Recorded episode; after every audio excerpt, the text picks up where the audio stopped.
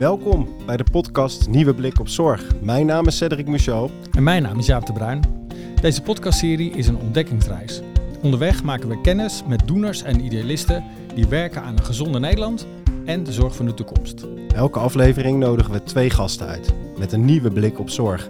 Iemand van VGZ en iemand uit de wereld van zorg en gezondheid. We zoeken naar gedeelde drijfveren en inspirerende voorbeelden. Want als je de zorg wil veranderen, moet je er ook op een nieuwe manier naar kijken. En waar nodig, stellen we af en toe onverwachte vragen. Laten we snel beginnen. Welkom bij Nieuwe Blik op Zorg.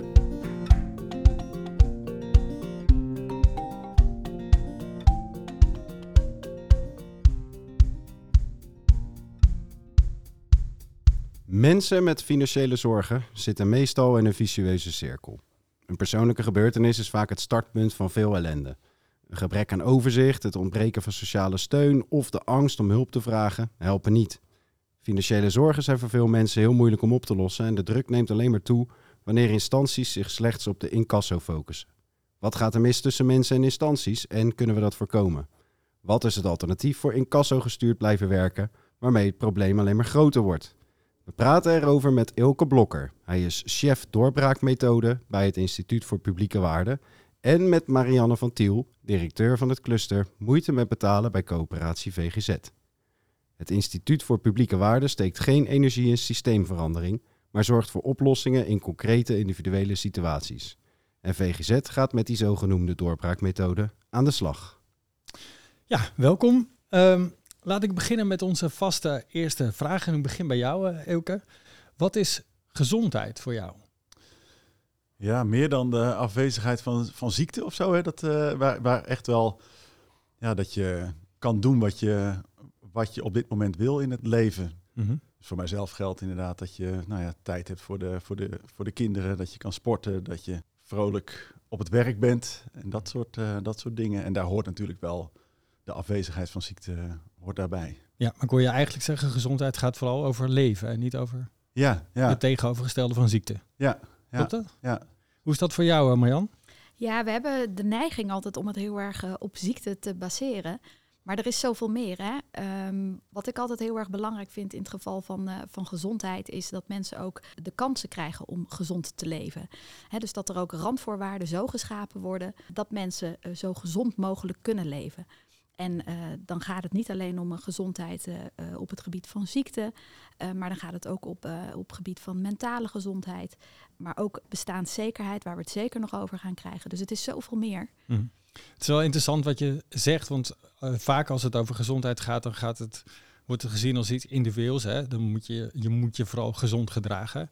Maar jij betrekt er meteen de hele context bij. Klopt dat? Ja, dat klopt. Want ik heb, hè, als ik ook kijk bij ons in het cluster, als je meeluistert, wat mij vaak opvalt bij um, uh, leden betalingsproblemen ervaren, mm-hmm. is dat er zoveel meer speelt. En dat, het, dat er heel veel mensen zijn die echt de beste intenties hebben om echt hun verantwoordelijkheden in het leven te pakken, maar soms gewoon door omstandigheden daarin belemmerd worden. Nou, en dan heb je meteen, als je het hebt over gezondheid, heb je daar meteen wel een knauw te pakken, wat mij betreft. Dus vandaar dat ik hem meteen wat groter pak. Ja, nou, we gaan het daar zeker nog over hebben, over die omstandigheden waarin dat gebeurt. We gaan het onder andere hebben, dat zei Cedric heel duidelijk in de inleiding, gaan het hebben over financiële problemen en wat je daaraan kunt doen.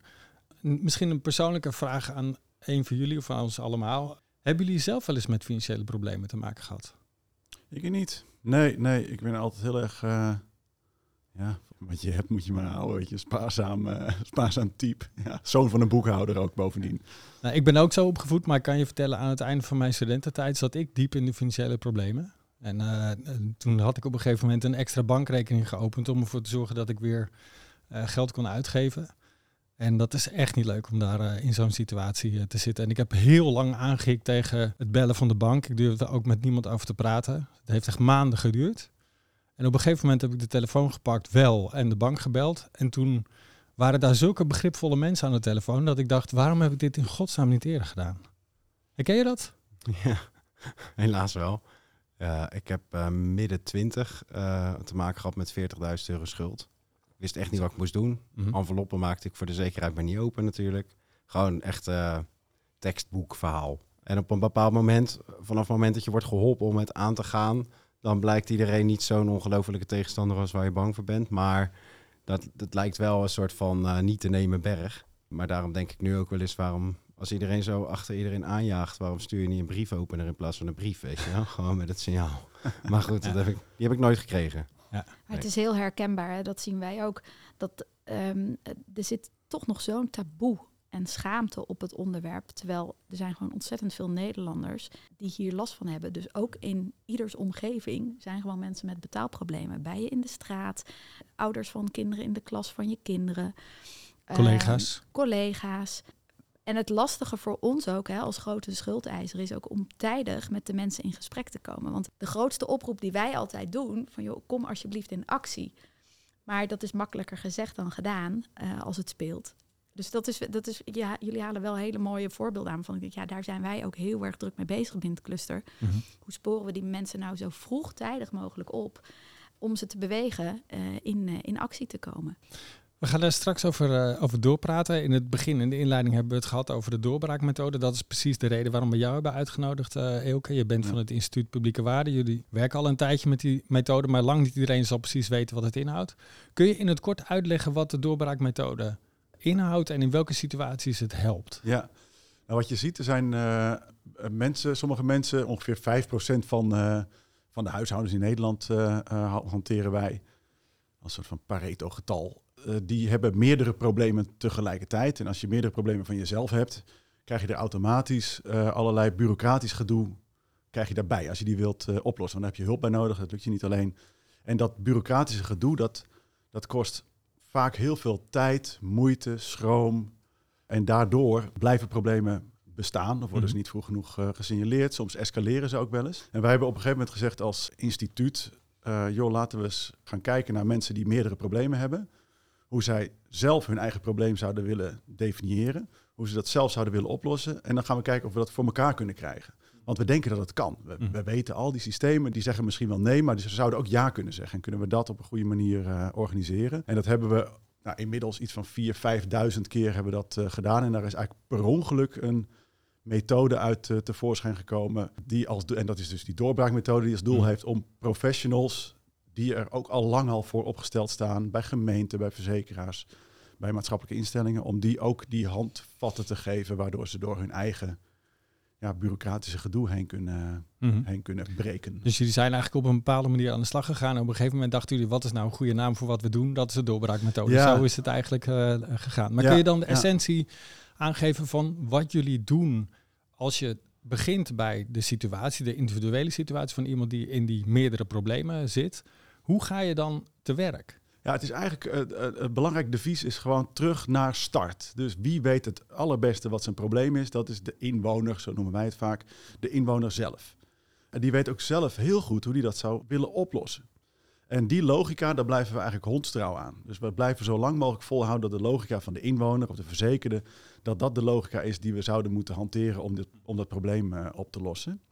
En dat proberen we dan door, door de bureaucratie heen te, heen te loodsen. Want waarom zou je nou ouders met eh, een dubbel gehandicapt kind, die weten donders goed wat ze nodig hebben voor hun kind, en die krijgen dan in de loop van ja, het, zeg maar die zorg eh, ergens halen, krijgen ze te maken met specialisten die hun gaan vertellen wat ze nodig hebben. En dat ja, vaak ja, eh, wordt daar, ja, daar de plank toch een beetje mis, eh, eh, misgeslagen. Dus je zegt eigenlijk, we draaien het om. Er wordt bijna altijd als mensen in de problemen zitten vanuit het systeem gedacht en niet vanuit wat voor mensen echt nodig is. Dat klinkt aan de ene kant heel logisch, maar tegelijkertijd heb je wel te maken met regels waaraan je moet voldoen. En eh, een hè, we hadden het net over de financiële problemen en schulden die je hebt. Daarvan hebben mensen denk ik toch het idee dat ze het zelf moeten oplossen. En dat ze dus een heel groot probleem hebben met het systeem. En dan loopt het al vast. Maar hoe kun je dat dan doorbreken?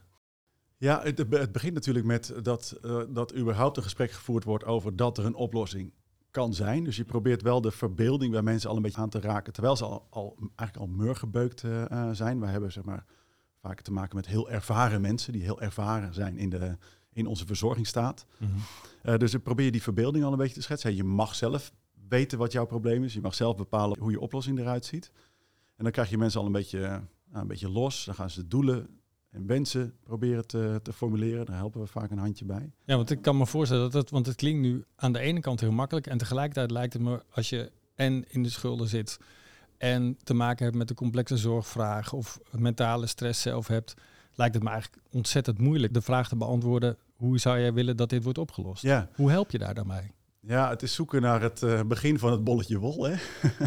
dus het is echt wel zoeken naar van hoe kunnen we nou dat wat het eerste belangrijkste probleem, laten we dat eens eerst doen. Mhm. En als er dan schulden zijn, dan is dat eigenlijk altijd het eerste belangrijkste. Tenzij er sprake is van bijvoorbeeld serieuze onveiligheid, waardoor je bestaan wordt, eh, wordt bedreigd. Mhm. Maar eigenlijk overal waar mensen te maken hebben met zeg maar, fundamentele en, en blijvende bestaansonzekerheid, Mhm.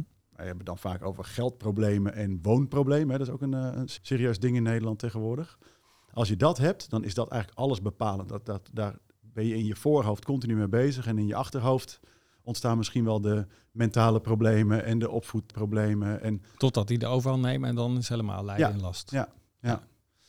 En we hadden het helemaal in het begin over Marianne, die, die begon daarover. Die had het niet alleen maar over de individuele verantwoordelijkheid, maar ook over de omgeving. Dat leidt eigenlijk tot een logische vraag aan jou, denk ik. De problemen die jullie tegenkomen, worden die nou veroorzaakt door mensen zelf of door het systeem? Nou, ik zou haast willen zeggen door het systeem. Ehm, eh, maar eigenlijk is er niet echt sprake van daderschap of zo. Het, het Mhm. komt eh, denk ik gewoon doordat we in 200 jaar tijd eh, nu zo, zo ver gekomen zijn met z'n allen.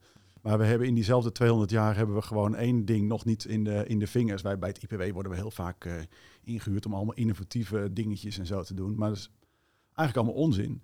Eh, want dit probleem bestaat eigenlijk gewoon al sinds eh, het begin van de tellingen. We zijn gewoon niet zo heel erg goed in onze verzorgingsstaat om mensen die, ja, die, die in de lagere sociaal-economische klasse of in steeds dezelfde buurten en wijken allerlei problemen op elkaar overdragen. Daar zijn we gewoon nog. Ja, daar zijn we gewoon nog niet zo goed in. En dat is eigenlijk niet zo'n heel erg ander probleem dan vroeger in de leprozenhuizen in, eh, in Parijs of zo. Het zijn ja, dezelfde problemen. Je ziet in Den Haag bijvoorbeeld, hè, op het zand en op het veen is een totaal ander zorggebruik. Ja. Is, en dat, dat soort oude patronen zie je eigenlijk gewoon in deze casuïstiek ook terug. Het is ook wel grappig dat je geeft eigenlijk aan dat bepaalde mensen, dus is toch een bepaald type mens, eh, vaker met deze problematiek te maken krijgt. Ehm, en we zijn daar niet zo goed in. Is het dan ook niet zaak om diezelfde mensen eh, te laten helpen met die problematiek? Of is dat heel vreemd gedacht? Nee, nee, ik denk dat het... Kijk, het begint natuurlijk met dat we ook diezelfde mensen zijn natuurlijk die mensen zelf. Ja. Eh, dus op het moment dat mensen zelf hun hulpvraag mogen definiëren, en dat klinkt dan weer allemaal heel chic, maar dat ze gewoon mogen vertellen, joh, hier heb ik last van. Dat wil ik opgelost. En ik denk dat we het zo best wel zouden willen oplossen, zouden kunnen oplossen. En daar kan ik zelf ook nog een rol in spelen. Als we dat nou eens serieus nemen, maar wat wij natuurlijk doen, is dat we het graag willen medicaliseren of problematiseren. Want dan kunnen we diagnosticeren, dan kunnen we beschikken. We willen het weer kunnen tellen, categoriseren. Ja, ja, ja, en dan wordt dus een probleem automatisch. Wij zeggen wel eens, alle professionals hebben geleerd om de vraag achter de vraag te stellen. Dus de eerste vraag die iemand stelt is eigenlijk niet de goede. Je moet daar dieper in graven. Wie is je vader, wie is je moeder? Nog verder terug je jeugd in, allemaal dat soort dingen. Mhm. Ehm, maar de vraag achter de vraag leidt ertoe dat ja, ongemerkt ook het aanbod, het zorgaanbod, zich alweer een beetje begint op te dringen. Want op het moment dat ik opvoedondersteuner ben en ik ga met de vraag achter de vraag van een gezin bezig, dan weet ik bijna zeker dat ik uitkom bij een ondersteuningsaanbod in de opvoeding. Dus dan bedenken we voor hè, mensen die, om het maar even plat te zeggen, slachtoffer van het systeem geworden zijn. Of van het feit dat we geen aandacht hebben voor de mensen die, die in dat systeem moeten passen. Bedenken we gewoon weer een nieuw systeem in plaats van een oplossing. Ja, we hebben dus aanbod klaar liggen en dat aanbod, en dat willen we inzetten, want we willen helpen, weet je. Dat is dus, dat hebben jullie ook gemerkt toen je in de schuld zat. Er zijn genoeg mensen die willen helpen en die hebben een bepaald ondersteuningsaanbod. Dat hebben we super geprofessionaliseerd en gestandardiseerd en met specialisme en eigen financiering en eigen mores en taal. En ja, dat willen we graag aanbieden, want dat kunnen we aanbieden.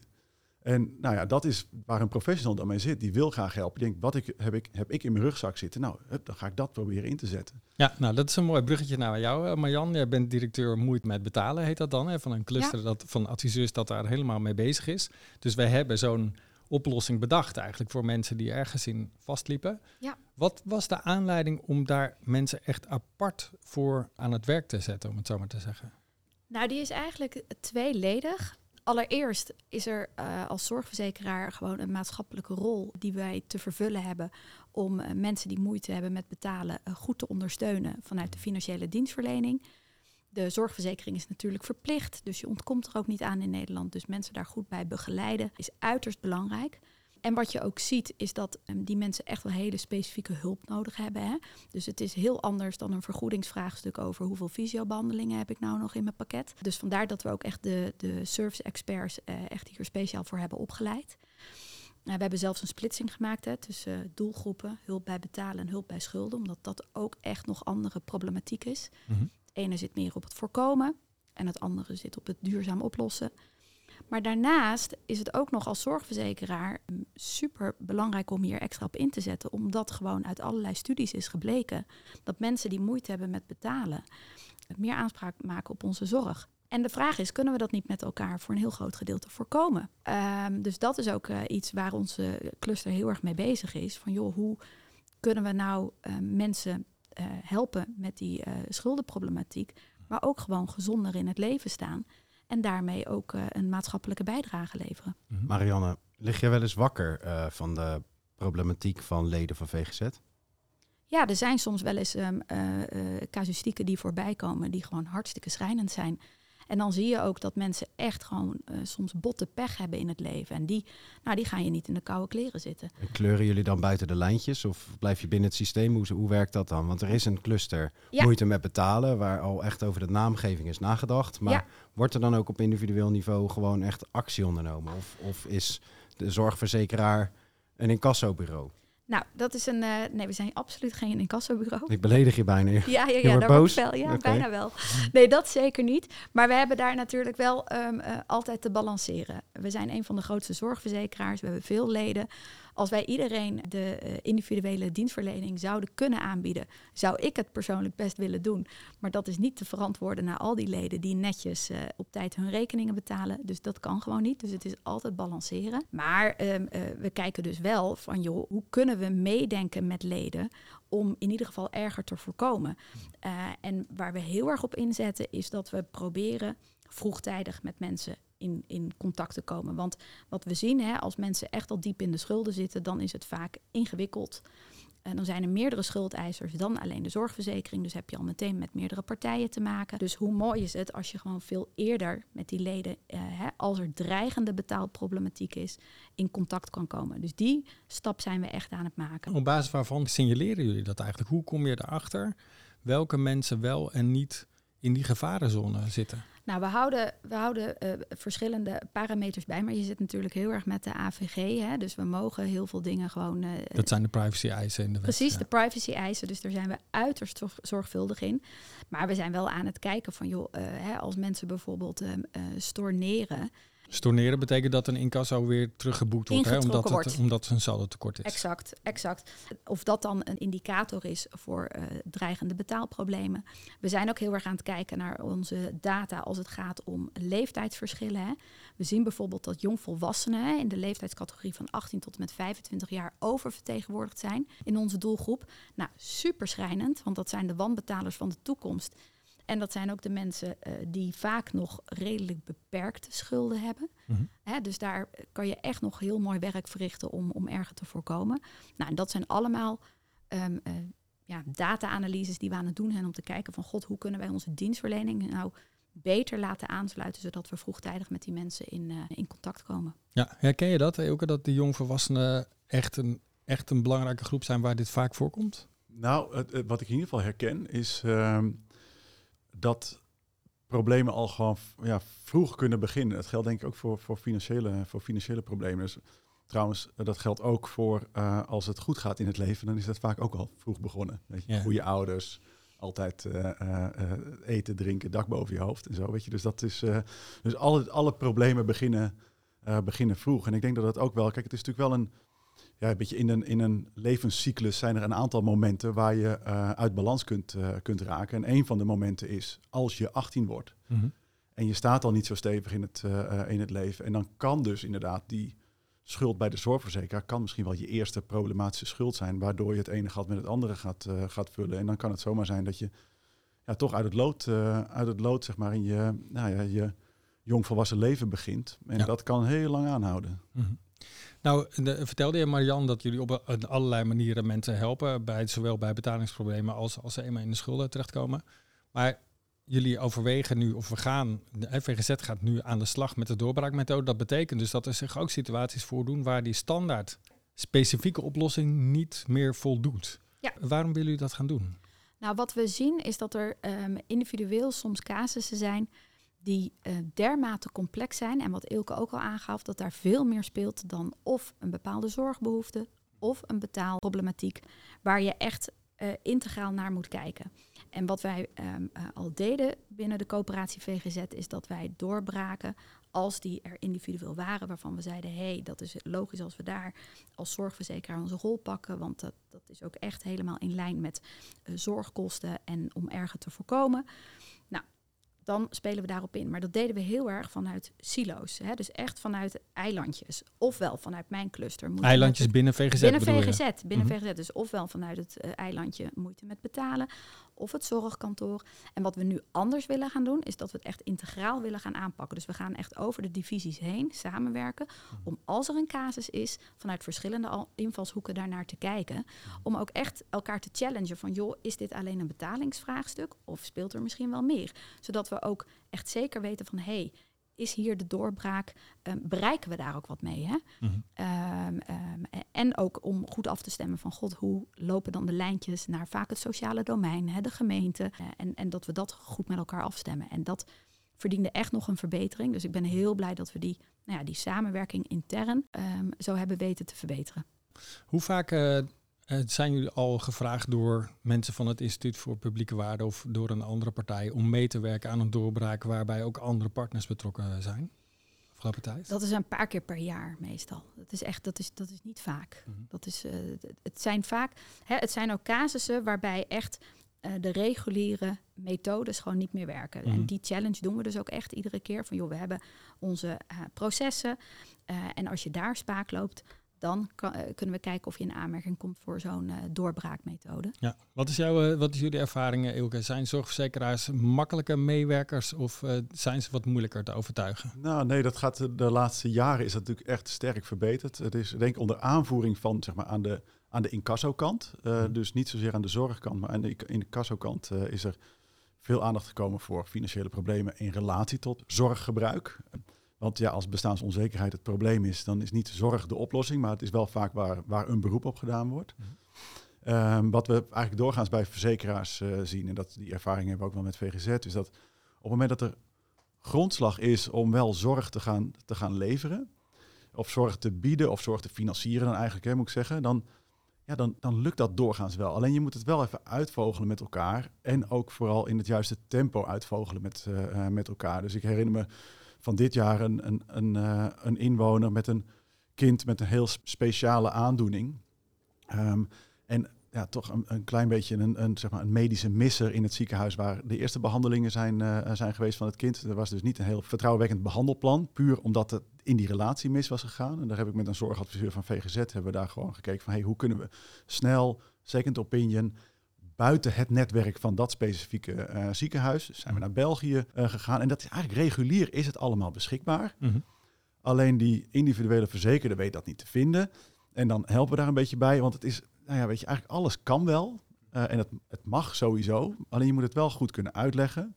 En bij wijze van spreken, ja, weet je, wij zeggen altijd, ja, maatwerk is hartstikke leuk, maar de andere kant van de medaille is willekeur. Dus je wilt ook dat, het begint al denk ik bij een individuele collega die denkt, ik wil best wel buiten de lijntjes kleuren, maar ik wil wel dat ook kunnen verantwoorden aan al die andere verzekerden. En daar helpt die methode dan uh, een beetje bij om daar een taal in te bezigen. Van dan kijken we heel expliciet naar de wet, we kijken naar kosten-baten.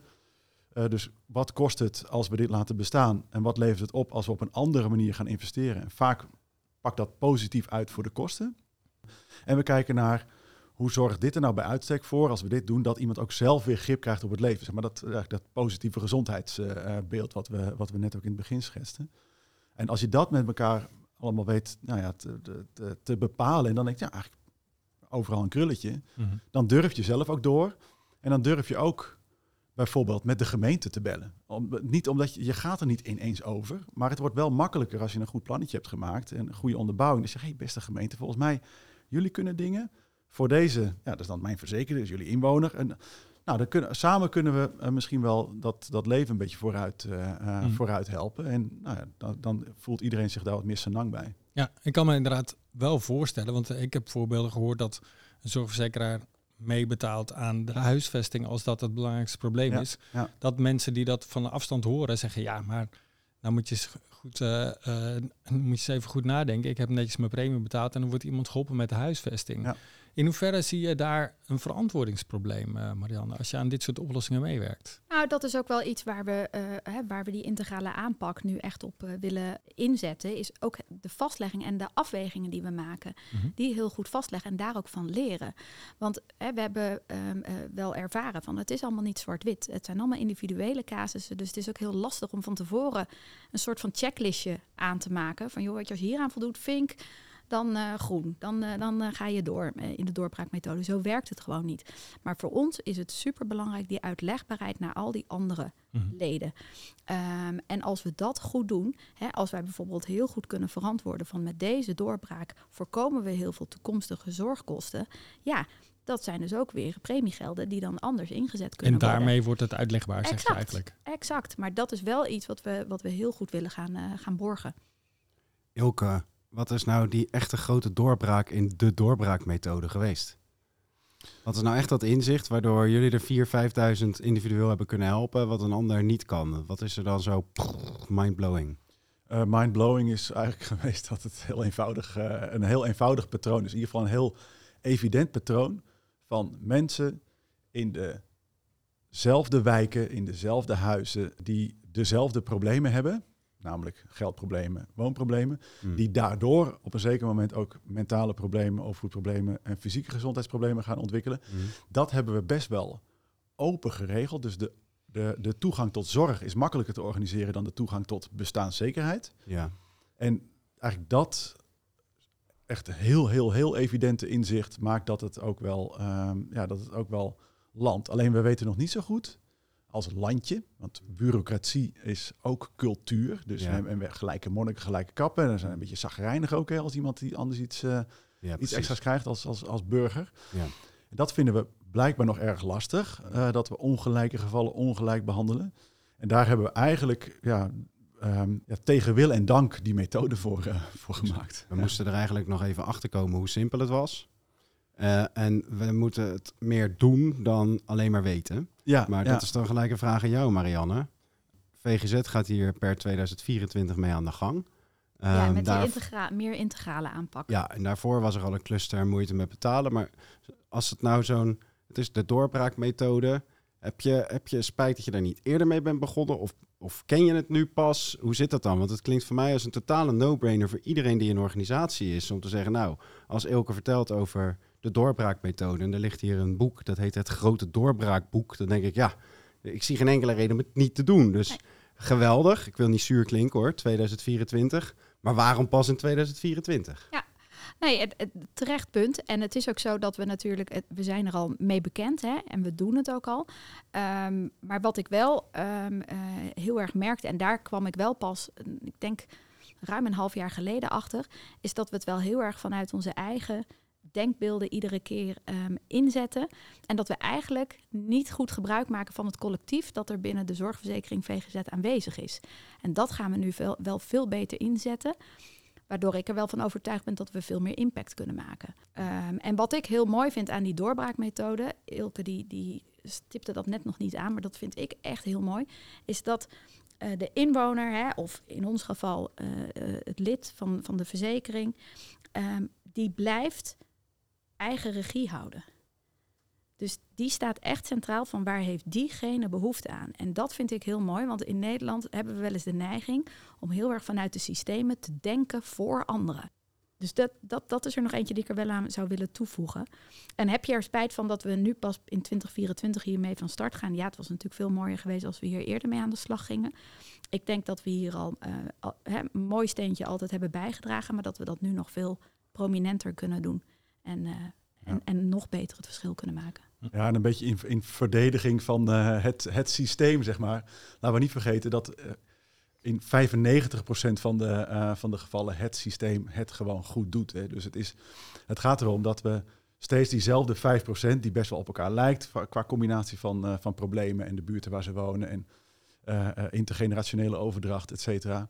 Dat we die 5% eigenlijk gewoon nog steeds niet goed in de vingers eh, hebben. Mhm. Ik zeg zelf wel eens, het is eigenlijk net als stoppen met roken. Hè? Het, eh, iedere poging die je opnieuw waagt om eraan te gaan, die vergroot de kans dat het gaat lukken. Dus ik denk dat we gewoon eigenlijk op, opnieuw een rondje moeten lopen om de mensen waar de verzorgingsstaat nog niet zo goed voor werkt. Mhm. En dat zijn er niet zoveel, maar daar zijn we wel veel tijd aan kwijt en veel geld aan, eh, aan kwijt. En bovendien helpt het niet. Belangrijk natuurlijk. Nou, laten we daar nog eens een poging wagen om te kijken of we dat beter kunnen doen. Denk je dat die 5% een wetmatigheid is? Dat het over 10 of over 20 jaar nog steeds 5% van de mensen is voor wie maatwerkoplossingen nodig zijn? Ik denk, het, ik denk het eigenlijk zelf wel. Ik baseer het echt op helemaal niks anders dan dat ik dat denk, Mhm. persoonlijke opinie. Ik denk wel dat het zo is en dat is een beetje, nou ja, een soort van zorgelijk. Eh, in de samenleving is natuurlijk alles eh, flex en tijdelijk en weet ik het wat. Ik denk wel dat er meer mensen een soort van at risk zijn om tot die groep te gaan behoren. Dan, want je weet, vandaag heb je, nou, behoor je zeg maar tot de werkende middenklasse, maar je weet niet zeker voor sommige mensen Mhm. of dat over zes maanden ook zo is. En alleen die onzekerheid maakt misschien al dat je, ja, dat je eh, op een gegeven moment uit het lood geslagen kan worden. Maar ik ja, zie niet dat die, dat die groep groeit of zo. Ja. Ik ehm, heb ondertussen een beetje mee, mee staan schrijven met datgene wat jullie delen. En wat mij opvalt is dat jullie eigenlijk allebei aangeven... gezondheid is leven en het is niet het tegenovergestelde van ziekte. En daarvoor zijn randvoorwaarden als mentaal welzijn en bestaanszekerheid heel erg belangrijk. Jullie geven ook allebei aan dat het gesprek extreem belangrijk is. Marianne hier geeft aan, het is lastig om in gesprek te komen... terwijl dat gesprek juist helpt. En waarbij jij aangeeft, Ilke, eh, dat die problemen, op het moment dat je meerdere problemen van jezelf hebt, dan komt die bureaucratie er vaak nog bij.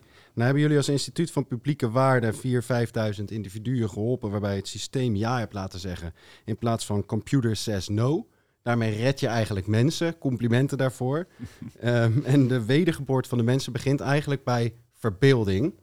Geloof dat het bestaat, terug naar start. En dat doet me een beetje denken aan het spelletje Monopoly. En het lijkt wel uh, bij Monopoly zit iedereen aan één kant van het bord. Uh, terwijl jij, Marianne, nu ook zegt... ja, we hebben veel meer een integrale aanpak nodig.